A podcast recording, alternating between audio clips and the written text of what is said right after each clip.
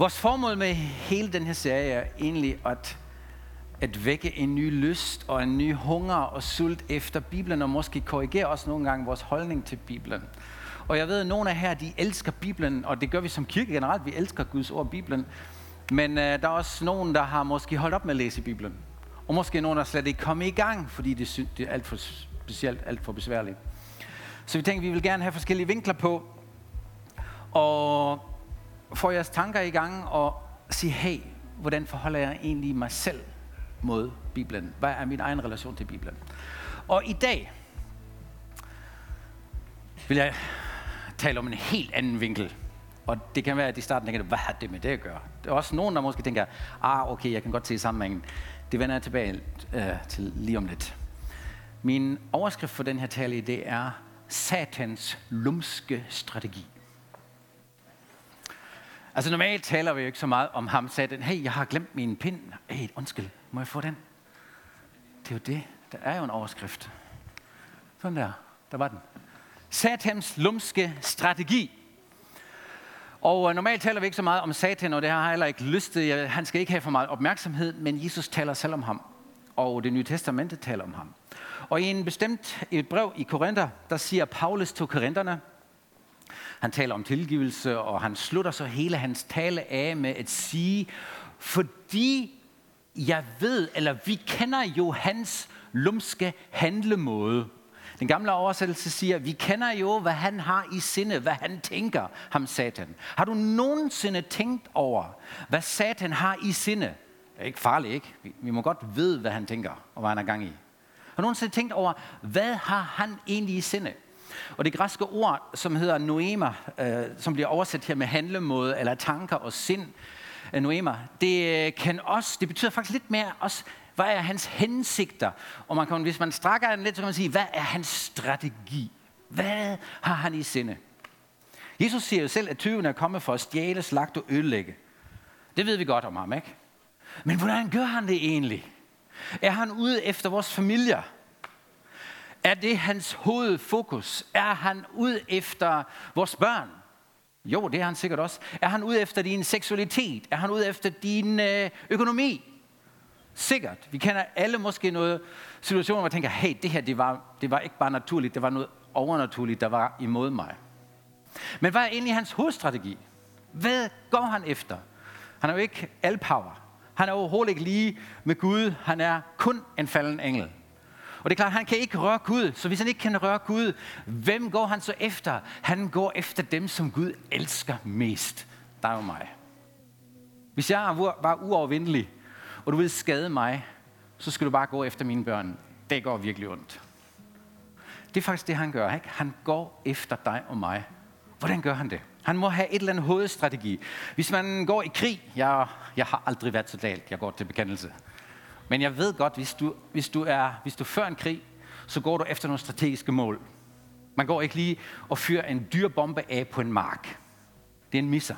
Man går efter elledninger, vandforsyning, strategiske mål. Har Satan, ham, Guds fjende, sådan et strategisk mål? Og det vil jeg sige, det har han. Han vil altid gå efter Guds ord.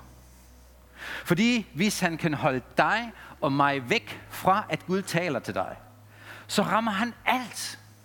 Han rammer din familie, han rammer din økonomi, alt har indflydelse på. Hvis han kan indflydelse, han får indflydelse på alt, hvis han rammer dig på Guds ord og dit forhold til Guds ord. Det er meget strategisk. Og Gud taler jo på mange måder. Han taler til os personligt. Han taler gennem skabelsen, gennem samvittigheden, gennem andre mennesker. Men han taler sandelig også gennem Bibelen. Og Gud har givet os Bibelen. Og det har vi snakket meget om, så jeg skal ikke komme ind på alle de her detaljer, at vi tror, at hele Bibelen er inspireret af alt det der. Det kan I godt øh, lytte til vores podcast øh, på, på hjemmesiden. Men allerede i uh, haven, Eden have, Edens have, starter djævlen med at sige, har Gud virkelig sagt? Der sætter han spørgsmålstegn ved Guds ord. Lidt senere hen, ikke, da Jesus bliver fristet, der siger, fordrejer han Guds ord og siger, din far der, uh, siger sådan her, Gud har sagt, der står i Bibelen, og han frister Jesus gennem Guds ord. Paulus taler om det. Jesus bruger et lignelse, hvor han siger, hvis du lytter til Guds ord og ikke forstår det, så kommer fuglene og spiser det frø.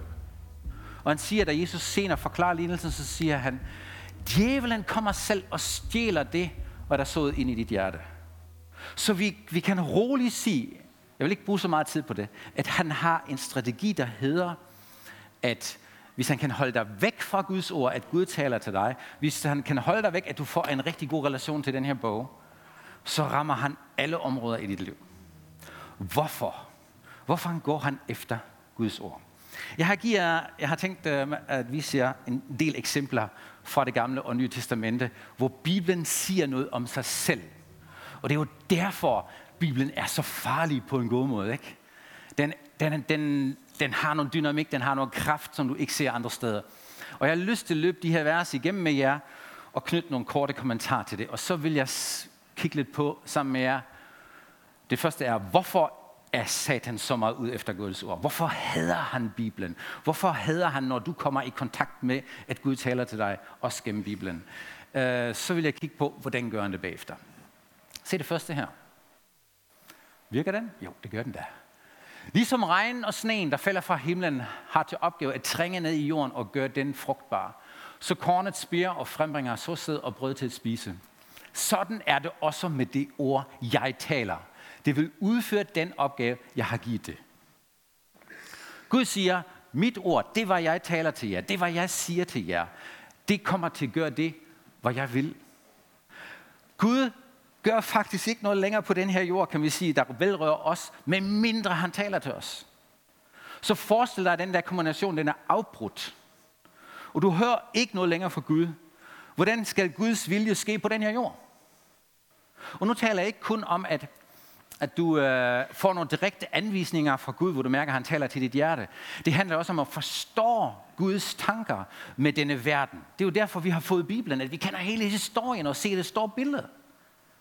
Tænk, at du bliver afskåret fra det. Gud siger, at det er min måde at få min vilje på den her jord igennem. At du forstår, hvad han har i sinde. At du forstår, hvad der ligger på Guds hjerte. At jeg forstår det. Og det sker gennem Bibelen, gennem Guds ord.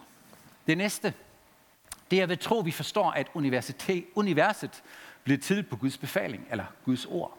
Den synlige verden blev skabt ud fra den usynlige verden. Ham, der skriver Hebræerbrevet, siger, at vi vil tro forstår, at Gud skabte den her jordklode gennem det, hvad han sagde. Og øh, det skal man selvfølgelig tro på, eller lade være. Og hvis du tror på Bibelen, eller hvis du tror på, at Bibelen er Guds ord, så anerkender du, at Gud har skabt den her jordklode. Og der hænger så meget på det spørgsmål, at denne verden har deres helt egen teori, hvordan den verden er opstået. Fordi evolutionsteorien siger, at du har ikke brug for en Gud. Og i mine øjne misbruger evolutionsteorien, som den jo hedder, det er bare en teori, videnskaben for at underbygge deres egen teori. Bibelen, videnskaben, er ikke i modstrid med hinanden. Hvis vi læser, det hvad det handler om, når vi læser Bibelen, Johnny var inde på den første dag, det er jo ikke en videnskabelig bog her. Den fortæller os bare, at det er Gud, der skabte jorden. Hvis Gud ikke har skabt jorden, og ikke Gud har skabt dig og mig, så har vi ingen identitet. Forvirringen bliver totalt komplet. Så er vi måske bare abekatter, ikke? Afstammer fra en abekat. Og prøv at tænke den færdig, ikke? En abekat, det kan du bare slå ihjel. Jeg er jo ikke sådan en dræbertype, ikke? Men jeg kunne godt finde på at slå en abe ihjel. Men, fordi et abe er bare et dyr, ikke? Og nu skal du ikke komme imod mig, fordi jeg dræber en abe, ikke? Men, men på her. Du ved godt, det, det har kæmpe betydning, om du værdsætter et menneske og siger, at mennesket er skabt i Guds billede. Og du tror på det, eller om du tror, det er bare et stykke kød.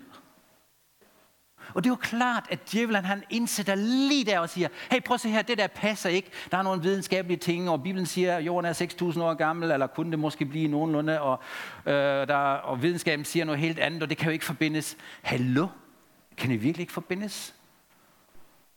Det har vi ikke tid til at komme ind på i dag. Men det er afgørende, at vi tror på det, hvad Gud siger om os. Fordi det gør, at vi behandler mennesker omkring anderledes, end hvis vi bare tror ikke, at vi er nogle bedre dyr. Det er vi ikke. Så det er meget fundamentalt. Det er da klart, at han indgriber der. Og al den forvirring, der er om kønsidentitet i øjeblikket, det er fuldstændig vanvittigt, ikke? Nu har jeg fundet ud af at høre det sidste var, der er måske 30 forskellige køn. Hallo? Folk bliver helt forvirret.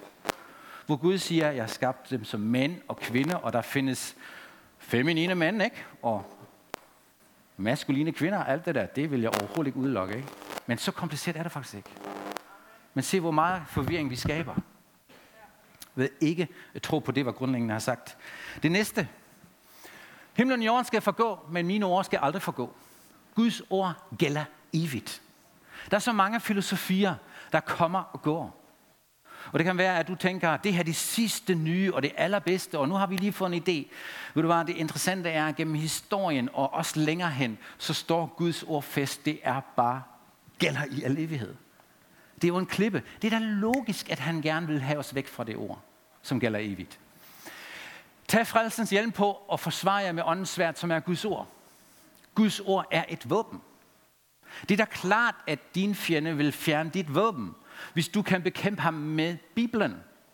Hvis du kan gøre noget intellektuelt, men også af hjertet sige, Bibelen siger, og det er det, jeg tror på, og det er sandheden. Det er et våben. Jeg vil da også gerne, at min øh, fjende mister sit våben. Det er da logisk. Jeg undrer mig overhovedet ikke, at han ud efter Guds ord. Det næste. Rens dem gennem dit ord, som er sandheden. Det er en del af Jesu bøn, hvor han siger, far, jeg beder dig om, at du renser dem alle sammen gennem dit ord, som er sandheden. Guds ord er sandheden. Johnny citerer salme 119, vers 160, hvor der står, summen af dit ord er sandheden. Hvor er det dejligt i en verden med masser af fake news, ikke? Og få noget fundament at stå på og sige, det her, det er sandheden. Summen af Guds ord er sandheden. Det kan jeg hvile i. At hvad der står, det er sandt. Det er da klart, at ham som lyver om Gud, om dig, om andre, han har ingen interesse i, at du lærer sandheden at kende. Jesus siger, hvis I er mine disciple, så vil I lære mig at kende, og I vil erkende mig og mit ord, og sandheden vil gøre jer fri. Du bliver fri ved at lære sandheden at kende. Så han er jo ikke interesseret, at du og jeg er fri. Jeg er nødt til at køre lidt hurtigere, kan jeg mærke. Troen udspringer af det, som høres, og det, som høres, udspringer af budskabet af Kristus. Med andre ord, troen udspringer af det, hvad der høres fra Gud, ikke? Fra Guds ord. Du kan ikke engang tro, medmindre du hører først. Så det er da klart, at fjenden er ikke interesseret i, at du lytter til Gud og hører fra Gud. Så han vil gerne holde dig væk fra det. Og når du har hørt det, så vil han gerne pille det væk bagefter. Fordi det gør noget ved dig. Hver eneste gang Gud kommer til og rammer dig her, og du lytter, så sker der noget i dig. Det forandrer dig indenfra. Det har så meget power, det ord. Næste. Og det er, det er sådan lidt mere de her virkelig praktiske ting. Min søn, lyt til mine ord. Hør godt efter, hvad jeg siger. Hold godt fest ved dem. Og lad dem slå råd i dit hjerte, for det giver liv til alle, som følger dem. Det giver sundhed til krop og sjæl. Pas på dine tanker og motiver, for det er dem, der former dit liv. Salomon siger, at Guds ord er med til at forme dine tanker, og hvis du grunder over det, hvis du lytter til det, hvad Gud siger, så giver det dig sundhed til krop og sjæl. Det er da en god medicin, ikke? Det giver dig virkelig sundhed til krop og sjæl. Det betyder ikke, at du ikke længere bliver syg, ikke? Det, er, det er en misforståelse. Men grundlæggende giver det dig sundhed til din sjæl, dine følelser, dine tanker, ro i sindet. Han siger, pas godt på, hør godt efter, grund over det, hvad jeg siger. Der er noget, der medfølger noget. Det næste, jeg mediterer over dit ord hver dag. Det giver mig et fortrin frem for mine fjender. Jeg har altid dine bud i mine tanker. Det gør mig visere end mine vejledere. Fantastisk, ikke? Du bliver klogere end din vejleder. Er det ikke fantastisk at blive klogere end sin mentor? Hvorfor? Han siger, jeg grunder over dit ord, jeg grunder over dine bud, jeg grunder over det, hvad du siger, hvad du tænker. Og det giver mig et fortrin for mine fjender, frem for mine fjender. Altid være på forkant. Er det ikke fantastisk? Men det kræver jo, at du kommer i berøring med Guds tanker og med Guds ord. Og lige en sidste en. En vers, som lytter til mine ord og handler på dem, ligner en, der var så fornuftigt at bygge sit hus på klippegrund. Jesus siger, hvis I hører efter, hvad jeg siger, grunder over det, så bygger I jeres hus på klippegrund.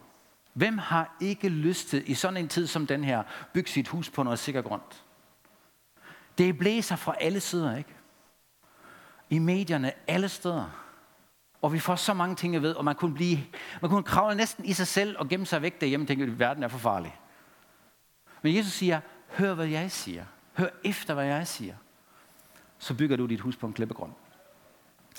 Jeg kunne blive ved med de her bibelvers. Det lover jeg, fordi jeg har barberet en masse af dem væk. Det er bare for at vise jer ganske kort, hvorfor djævelen, Guds fjende, ikke er interesseret i, at du har et relation, en relation også til Bibelen. Og måske en kærlighed til Guds ord. Hvor du begynder at sætte dig ind i og sige, okay, jeg vil gerne blive påvirket af det her. Det ord, som Gud har givet mig. Jeg har fundet sådan tre-fire ting, som jeg vil nævne for jer, og der findes sikkert mange flere ting. Hvordan han så forhindrer os i, at vi egentlig lytter til Guds ord, eller får en relation til Bibelen.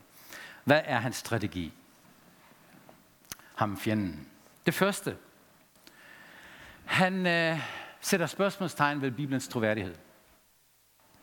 Og det er klart.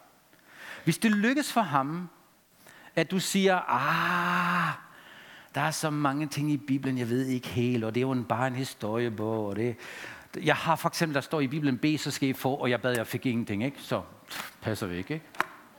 Konklusion, ikke? Ja, sådan kan du konkludere det. Selvfølgelig kan du det, hvis du vil det. Ikke? Øhm, jeg har fundet et par enkelte ting, som djævlen bruger for at gøre vores ting, gør Bibelen utroværdig. For det første liberal teologi, som bare siger, ikke alt, hvad der står i Bibelens ord, er inspireret. Det vil sige, miraklerne, de har ikke rigtig fundet sted. Det er bare disciplinens opspænd. Ikke? Så Gud gør ikke ting af mirakler. Eller en bestemt teologisk retning siger endda, at alt det åndelige og mirakler og det overnaturlige stoppede med, da Bibelen kom. Det lyder faktisk sådan helt vildt. Wow, vi tror da på Bibelen, men nu har vi kun Bibelen, og det overnaturlige stoppede den dag, vi fik Bibelen. Det er da en god teologi. Jeg tror, den kommer direkte fra Bibelen. Jeg ved godt, de mennesker, der har kommet frem til den, de har ment det oprigtigt, ikke? Men hvor kommer den tanke fra, at det her evige ord, som gælder i al evighed, den del, den gælder ikke længere? Og der er, jeg tror, der er millioner af kristne, der tror på det. Gud gør ikke længere mirakler. Vi tror på Jesus, det er fint, vi kommer i himlen, alt er godt, ikke? Det er sådan, han gør tingene utroværdige. Eller han udspiller videnskaben mod Bibelen. Det er et kæmpe problem. Hvem har nogensinde sagt, at videnskaben og Bibelen udelukker hinanden? Jeg tror ikke, at Gud har sagt det. Jeg tror, det er Gud, der giver os alle opdagelserne. Det er jo han, der har skabt det hele og giver os indsigt, os mennesker, også ikke-kristne. Han giver dem indsigt til at opdage alle de ting. Gud er jo ikke imod videnskaben. Overhovedet ikke. Jeg tror, at Gud han har lagt alle de ting i jorden, så at det kan udvikles. Han er jo overhovedet ikke imod det her. Der findes bare mere end videnskaben. Der findes også en anden dimension. Og hvis du udelukker den, og djævlen siger, jeg prøver her, det udelukker jo hinanden. Det gør det ikke. Og hvor mange mennesker tror ikke på det? Eller fornuften mod Bibelen. Du kan jo ikke læse Bibelen med din forstand. Og vi kristne, vi har selv nogle gange sagt, ja, men du kan jo ikke forstå Bibelen med din forstand. Jo, det kan du godt. Men du har stadigvæk brug for Helligåndens forståelse, fordi kærlighed kan man ikke forstå, ikke? Der er mange ting, vi ikke forstår, også i den her verden, om du var kristen eller ej. Hvem forstår, at der er en, der giver sit liv for en anden og dør? Det må være kærlighed, ikke? Men det er jo ikke fornuftig beslutning. Fornuften i sig selv er ikke i modstrid med Bibelen. De to udelukker ikke hinanden. Uh, jeg vil stille dig et spørgsmål, som du er nødt til at svare på dig selv. Tror du på Bibelen? Nej, tror du på Jesus, fordi du tror på Bibelen? Eller tror du på Jesus, og derfor tror du på Bibelen? Hvem var først? Det er et vigtigt spørgsmål. Det er virkelig et vigtigt spørgsmål. Jesus var der først. Og han har givet os Bibelen, og derfor tror jeg på Bibelen. Og jeg tænker, at det er nogle gange meget, meget vigtigt, at vi træffer den her grundlæggende beslutning. Jesus, du siger, at du har givet os den her bog, og jeg accepterer, at du har givet mig den her bog. Og selvom jeg ikke fatter alt, og jeg forstår ikke alt, men du har givet mig den, og derfor er den her bog vigtig for mig. Kan du følge mig? Det er Jesus først, der siger, jeg accepterer dig som herre, og du, har, du synes, jeg skal læse den her bog, og du har givet mig den her. Og selv om der er en lang proces i det, hvor, hvor, hvor jeg opdager mere og mere, så har jeg truffet en gang for alle den her grundlæggende beslutning. Det her det er din bog. Så forklar mig, åbn den for mig, at jeg forstår, hvad du siger, at jeg ser dine veje. Der er fantastiske bønder i salmerne, når du beder dem. Han, David han beder hele tiden, vis mig dine veje, lad mig forstå dine mysterier, lad mig, der er noget mystisk over det. Det er ikke sådan, at du siger, nå ja, nu har jeg forstået det hele, ikke? og kryds, kryds, kryds af. Det er jo en rejse med den her bog, hvor du opdager, hvordan Gud er, og hvordan han tænker. Det næste, jeg kan se, der giver os problemer med at tro på Bibelen, det er misfortolkninger. Øhm, det interessante er, at Gud forhindrer ikke misfortolkninger. Hvis du kigger på, at der er opstået over tusind forskellige kirkeretninger, bare på grund af en bibel, det er helt vanvittigt, ikke?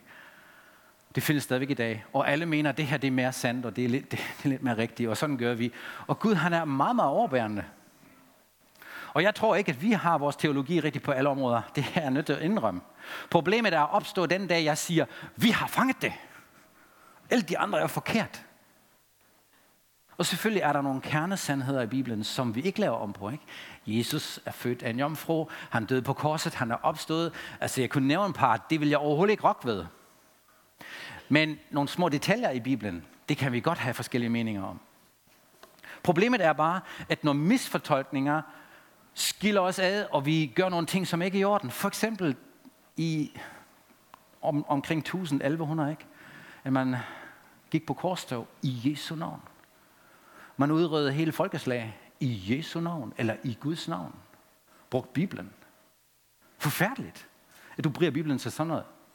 Det er meget, meget vigtigt, at vi som kristne lærer at se det store billede.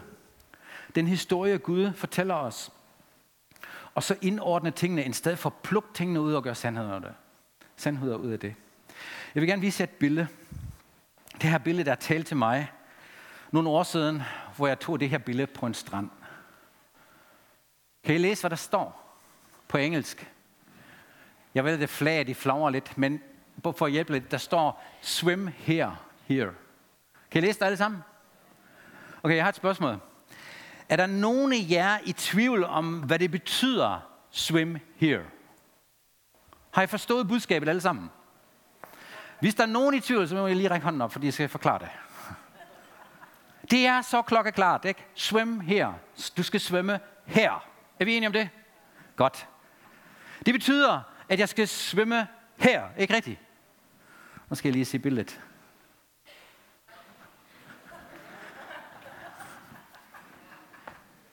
Alle siger, vi har forstået, hvad der står på skiltet, eller på, på det flag, ikke?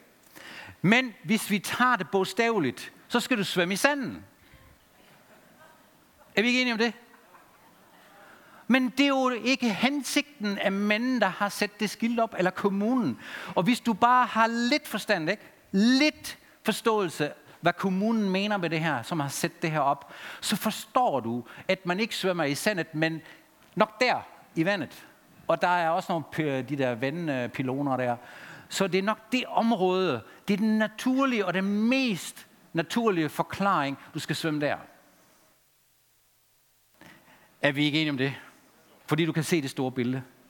Men på her, hvor er vi ofte åndssvage som kristne, ikke? Vi har læst i Bibelen, der står svøm her, lige her, ikke? Og så går du hen og siger, jeg har læst rigtigt, ikke? Det står der, ikke? Kvinder må ikke lære i kirken. Eller, når du har været skilt, så må du ikke gifte dig igen, ikke? Det står der sort på hvidt. Og så bruger vi sådan nogle bibelvers, kaster rum med det og siger, sådan står der, og jeg har ret, fordi der har du det sort på hvidt. I stedet for, hør efter, hvad Gud egentlig mener. Ligesom ham, der har sat det flag op. Ikke? Se det store billede. Ikke? Og siger, hvad siger Gud egentlig? Udover at en kvinde dengang ikke skulle tale i den forsamling, ikke? Hvor Paulus siger, i dag i Jesus er der hverken mand eller kvinde, ikke? Vi er fuldstændig lige. Og der er også tilgivelse for skilsmisse, ikke? Og du kan få en ny start. Fordi du er nødt til at se hele billedet. Jeg håber, at det her billede det sætter sig fast i dit hoved. Hver gang du læser Bibelen, og du kommer i tvivl om, hvad er det her egentlig, der står der? Prøv at huske det store billede. Ikke gå på kompromis. Hey, manden, der har sat det skilt op, eller det her flag, har en helt klar hensigt.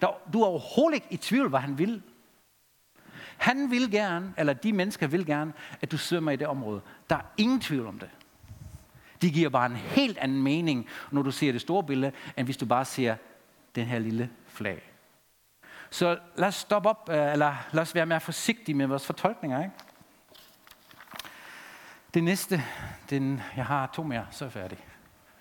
Det er alternative tilbud. Se, det er jo ikke sådan, at Gud han stopper Bibelen i halsen på dig. Ikke? Han har givet den til os. Han har givet os den faktisk med to fantastiske danske oversættelser.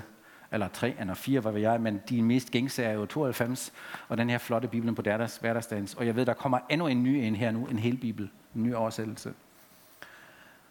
Men det er jo ikke sådan, at Gud siger, nu skal du bare læse, ikke? Han har givet os det her. Og du vælger selv. Og Gud står ikke og banker på hele tiden. Læs din Bibel. Og sagen er bare, hvis vi ikke selv tager initiativet og siger, okay, jeg er faktisk interesseret i det her, så er der mange andre gode tilbud, hvordan vi bruger vores tid. Og I ved det godt, når jeg har hørt mig før, ikke? Jeg er overhovedet ikke noget lidt mod underholdning. Se en god film, eller gå i biografen, eller læse en god bog, og det behøver ikke alle sammen være bibelske bøger. Du må gerne læse en roman, ikke? Hvorfor ikke det? Det er jo spændende. Vi skal da... Nogle har også brug for afslappning, ikke? Alt det der det er super fint. Men hvis det forhindrer dig i at læse Bibelen, så, så er den galt. Det er jo et spørgsmål om prioritering, ikke? Og hvis du kun ser nyheder, og hvad det, denne verden fortæller dig om, hvad der foregår i din verden, og du ikke har en idé om, hvad Gud har gang i med denne verden, så bliver du deprimeret. Fordi du og jeg, vi har brug for at vide, hvad er Guds plan for Danmark. Hvad, derfor kommer der sådan et profetisk ord, ikke? Gud siger, hey, det går fremad. Der kommer et eller andet, jeg har gang i noget i Danmark. Og der er andre kristne, der siger, nå nej, oh, ja, det bliver snart værd at være, ikke? Hvor skal vi ende hen? Hvem lytter du til? Og jeg synes, der, han er rigtig god til at give masser af alternative, alternative tilbud. Og det behøver ikke engang være noget dæmoniske tilbud. Nej, bare at han får dig væk fra den tid, hvor du egentlig skulle meditere og reflektere over det, hvad Gud siger. Så prøv at justere det. Og det sidste, tradition og kultur kan virkelig hindre os i, at Guds ord får råd i os. Han siger sådan her, Jesus, han siger sådan her, han har en diskussion med farisererne, og så siger han, på den måde ophæver I Guds ord til fordel for jeres egne traditioner. Han anklager farisererne for at sige, I har så mange regler, I har så meget tradition, I har så meget af jeres egen kultur, at når I lytter til Guds ord, så går det gennem filtret, og så siger I, det passer ikke, det går vi ikke efter. I sætter jeres egen kultur, jeres egen tradition højere. Og det er en far for, fordi det er sådan, hey, jeg beskæftiger mig med Guds ord. Jeg er åben for Bibelen, jeg lytter. Og når du har lyttet, så siger det, ah, det siger egentlig det her, og jeg kan se det her, men det her det er vigtigere. Min egen tradition er vigtigere. Jeg kan give jer nogle eksempler. For eksempel kvinder i tjeneste. Ikke? Der er stadigvæk nogle kirker, der siger, nej, det kan ikke lade sig gøre. Vores tradition siger, det gør vi ikke. Så traditionen vinder over det, hvad Bibelen egentlig siger. Jeg kan gå så langt og sige, at vi har en udfordring, eller det er ikke vores udfordring, ikke? At, at Folkekirken siger, vi tror på, at Bibelen siger, at det er helt okay, at vi har en barnedåb. Og nu skal I ikke høre, at jeg anklager Folkekirken, ikke? Men der har du traditionen, og Luther er vigtigere, end det, hvad Bibelen siger. Og jeg elsker at være sammen med den, kirkefløj. I skal ikke høre det forkert, ikke? Men du har nogen, der siger, traditionen, den er vigtigere. Eller højere. Og det var der, det var, vi har sagt her. Det er vigtigere end det, var jeg en grund har forstået, der står i Bibelen, at du skal døbes på grund af din tro. Og jeg håber, I mærker i mit hjerte det her, fordi jeg elsker de folkekirkekristne. Ikke? Der er ikke noget der. Jeg har bare brug for et eksempel, hvor man sætter traditioner højere. Og vi kan måske finde nogle eksempler fra vores egen kirke, hvor vi sætter traditioner højere, end det, hvad Bibelen i den sidste ende siger. Og det kan vi ikke gøre, ikke? Det gør vi ikke her. Fordi vi har jo den tradition og alt det der. Og jeg ved godt, det tager lidt tid, ikke? Og, og tror på det, hvad Bibelen siger, og lære om på nogle ting, når vi især har lært dem. Det er jo ikke sådan, at Gud fordømmer os. Men jeg kan se, at tradition og kultur kan kvale nogle gange det, hvad Gud egentlig vil. Så lad mig slutte det her med et godt råd, som Gud giver til Josva. Han siger det her til Josva. Han siger, stå fast og vær modig, fordi du skal lede mit folk i erobringen af hele, landet, af hele det land. Jeg har lovet jeres forfædre. Ret dig omhyggeligt efter de forordninger, Moses gav dig. Hold fast ved dem, så vil tingene lykkes for dig. Men hele folket om disse love, og selv skal du tænke på dem døgnet rundt, så du handler efter dem, så vil, gå, vil det gå dig godt, og du vil lykkes. Og som sagt, du skal ikke ind til hele landet. Det her det er ikke til dig. Slap af, okay? Men når det er sagt, så giver Gud to opmuntringer, som der tror gælder os. Eller to gode råd og en opmuntring. Og det er, han siger til Josva, mediter, tænk, grund over mit ord. Brug tid på det. Tænk over det.